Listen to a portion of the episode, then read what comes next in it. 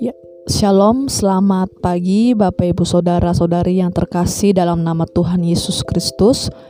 Puji nama Tuhan, kita mengucap syukur kepada Tuhan pada hari ini. Kita kembali menikmati berkat Tuhan, kembali menikmati anugerah Tuhan, dan itu semua oleh karena kemurahan Tuhan dalam kehidupan kita.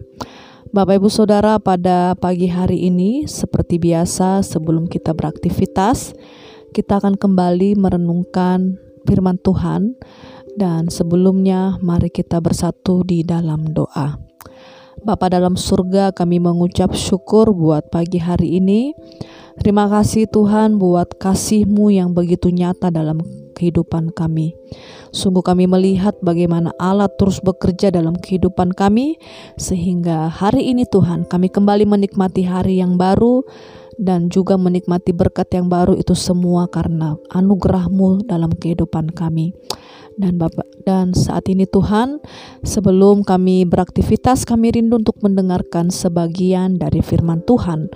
Kiranya Engkau Allah yang berbicara kepada kami, menolong kami sehingga firman-Mu kembali menguatkan kami dan nama Tuhan dipermuliakan. Berfirmanlah ya Tuhan, kami siap mendengarkan di dalam nama Tuhan Yesus. Kami berdoa dan mengucap syukur. Haleluya. Amin. Ya Bapak Ibu Saudara dalam uh, kali ini kita akan mendengarkan di dua Tawari pasalnya yang kelima. Dua Tawari pasalnya yang kelima dari ayat pertama sampai ayat yang ke-14 ya. Pasal ini menceritakan tentang pentabisan bait suci dan tabut perjanjian dipindahkan dan kemuliaan Tuhan memenuhi bait suci. Pembangunan bait Allah akhirnya selesai tetapi masih ada pekerjaan penting yang perlu dilakukan yaitu pentabisan bait suci. Ya, dan Salomo mengumpulkan tua-tua Israel, kepala suku, serta para pemimpin agar berkumpul dengan di Yerusalem dengan tujuan yaitu mengangkut tabut perjanjian Tuhan dari Sion untuk ditempatkan di bait Allah.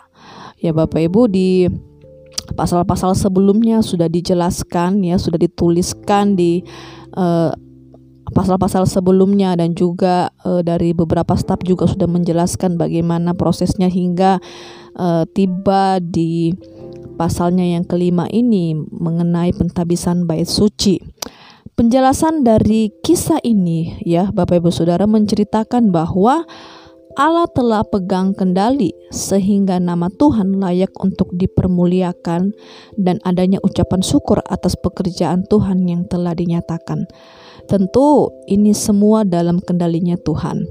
Adanya campur tangan Tuhan sehingga semua berjalan dengan baik dan tentu kita sebagai manusia menyadari bahwa ini semua hanya untuk kemuliaan bagi nama Tuhan saja.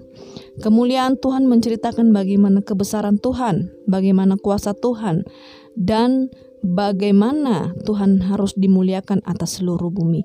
Ini merupakan bentuk kesadaran kita sebagai umat manusia yang tidak bisa menyelami Tuhan Allah kita.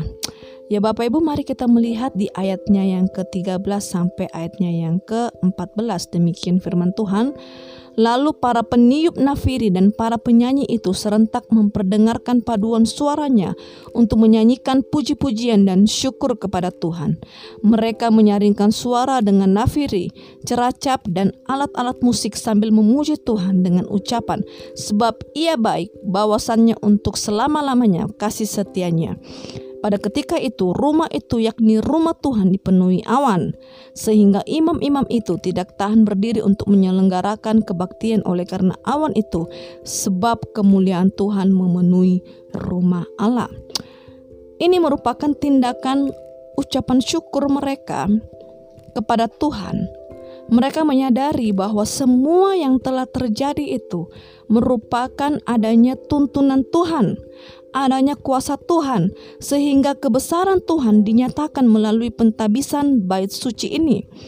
Selain itu, dari ungkapan syukur melalui puji-pujian yang telah mereka naikkan, ada hadirat Allah dinyatakan pada saat itu. kemuliaan Allah dicurahkan lewat puji-pujian sehingga nama Tuhan semakin dinyatakan. Ya Bapak Ibu, Saudara, jika kita melihat dari cerita di pasal 5 ini, yang pertama ialah bagaimana segala kemuliaan hanya bagi nama Tuhan saja, Bapak Ibu Saudara. Kita sebagai manusia, sebagai ciptaannya, tidak bisa berbuat apa-apa tanpa adanya campur tangan Tuhan. Tuhan lebih berkuasa. Tuhan kita adalah raja di atas segala raja. Untuk itu, mari kita menyadari bahwa segala kemuliaan hanya bagi nama Tuhan saja. Lalu yang kedua Bapak Ibu Saudara dari pasal 5 ini yaitu merupakan ungkapan syukur kita kepada Tuhan. Kita kita selalu naikkan kepada Tuhan ya. Ini merupakan tindakan kita untuk menyadari, menghargai bagaimana Tuhan sangat baik kasihnya kepada kita sehingga Tuhan selalu ada bagi kita. Mungkin ada yang menyatakan lewat ungkapan terima kasih atau lewat pujian penyembahan, lewat kesaksian, lewat renungan, dan lain sebagainya. Ini merupakan cara kita mengungkapkan rasa syukur kita hanya kepada Tuhan saja atas apa yang sudah Tuhan kerjakan dalam kehidupan kita. Dan yang terakhir, ya, ketika kita memuliakan nama Tuhan, ketika kita mengucap syukur kepada Tuhan, maka hadirat Allah semakin dinyatakan, Bapak Ibu Saudara. Seperti dalam pasal ini, ya dan hadiratnya tentu membawa sukacita, damai sejahtera, adanya berkat-berkat yang baru yang Tuhan nyatakan kepada kita dan membawa kita untuk semakin lebih lagi dekat kepada Tuhan. Dan mari Bapak Ibu Saudara yang terkasih dalam nama Tuhan Yesus Kristus, Mari kita tetap hidup dalam kebesaran Tuhan, sehingga nama Tuhan semakin dinyatakan, baik dalam kehidupan kita, dalam lingkungan kita, di mana pun kita berada, dan seluruh bumi ini akan merasakan kebesaran Tuhan, kebaikan Tuhan melalui kemuliaan Tuhan, ungkapan syukur kita, dan Tuhan akan bekerja bagi setiap kehidupan kita. Demikian firman Tuhan yang dapat saya sampaikan Bapak Ibu Saudara kiranya menjadi berkat bagi kita semua. Tuhan Yesus memberkati.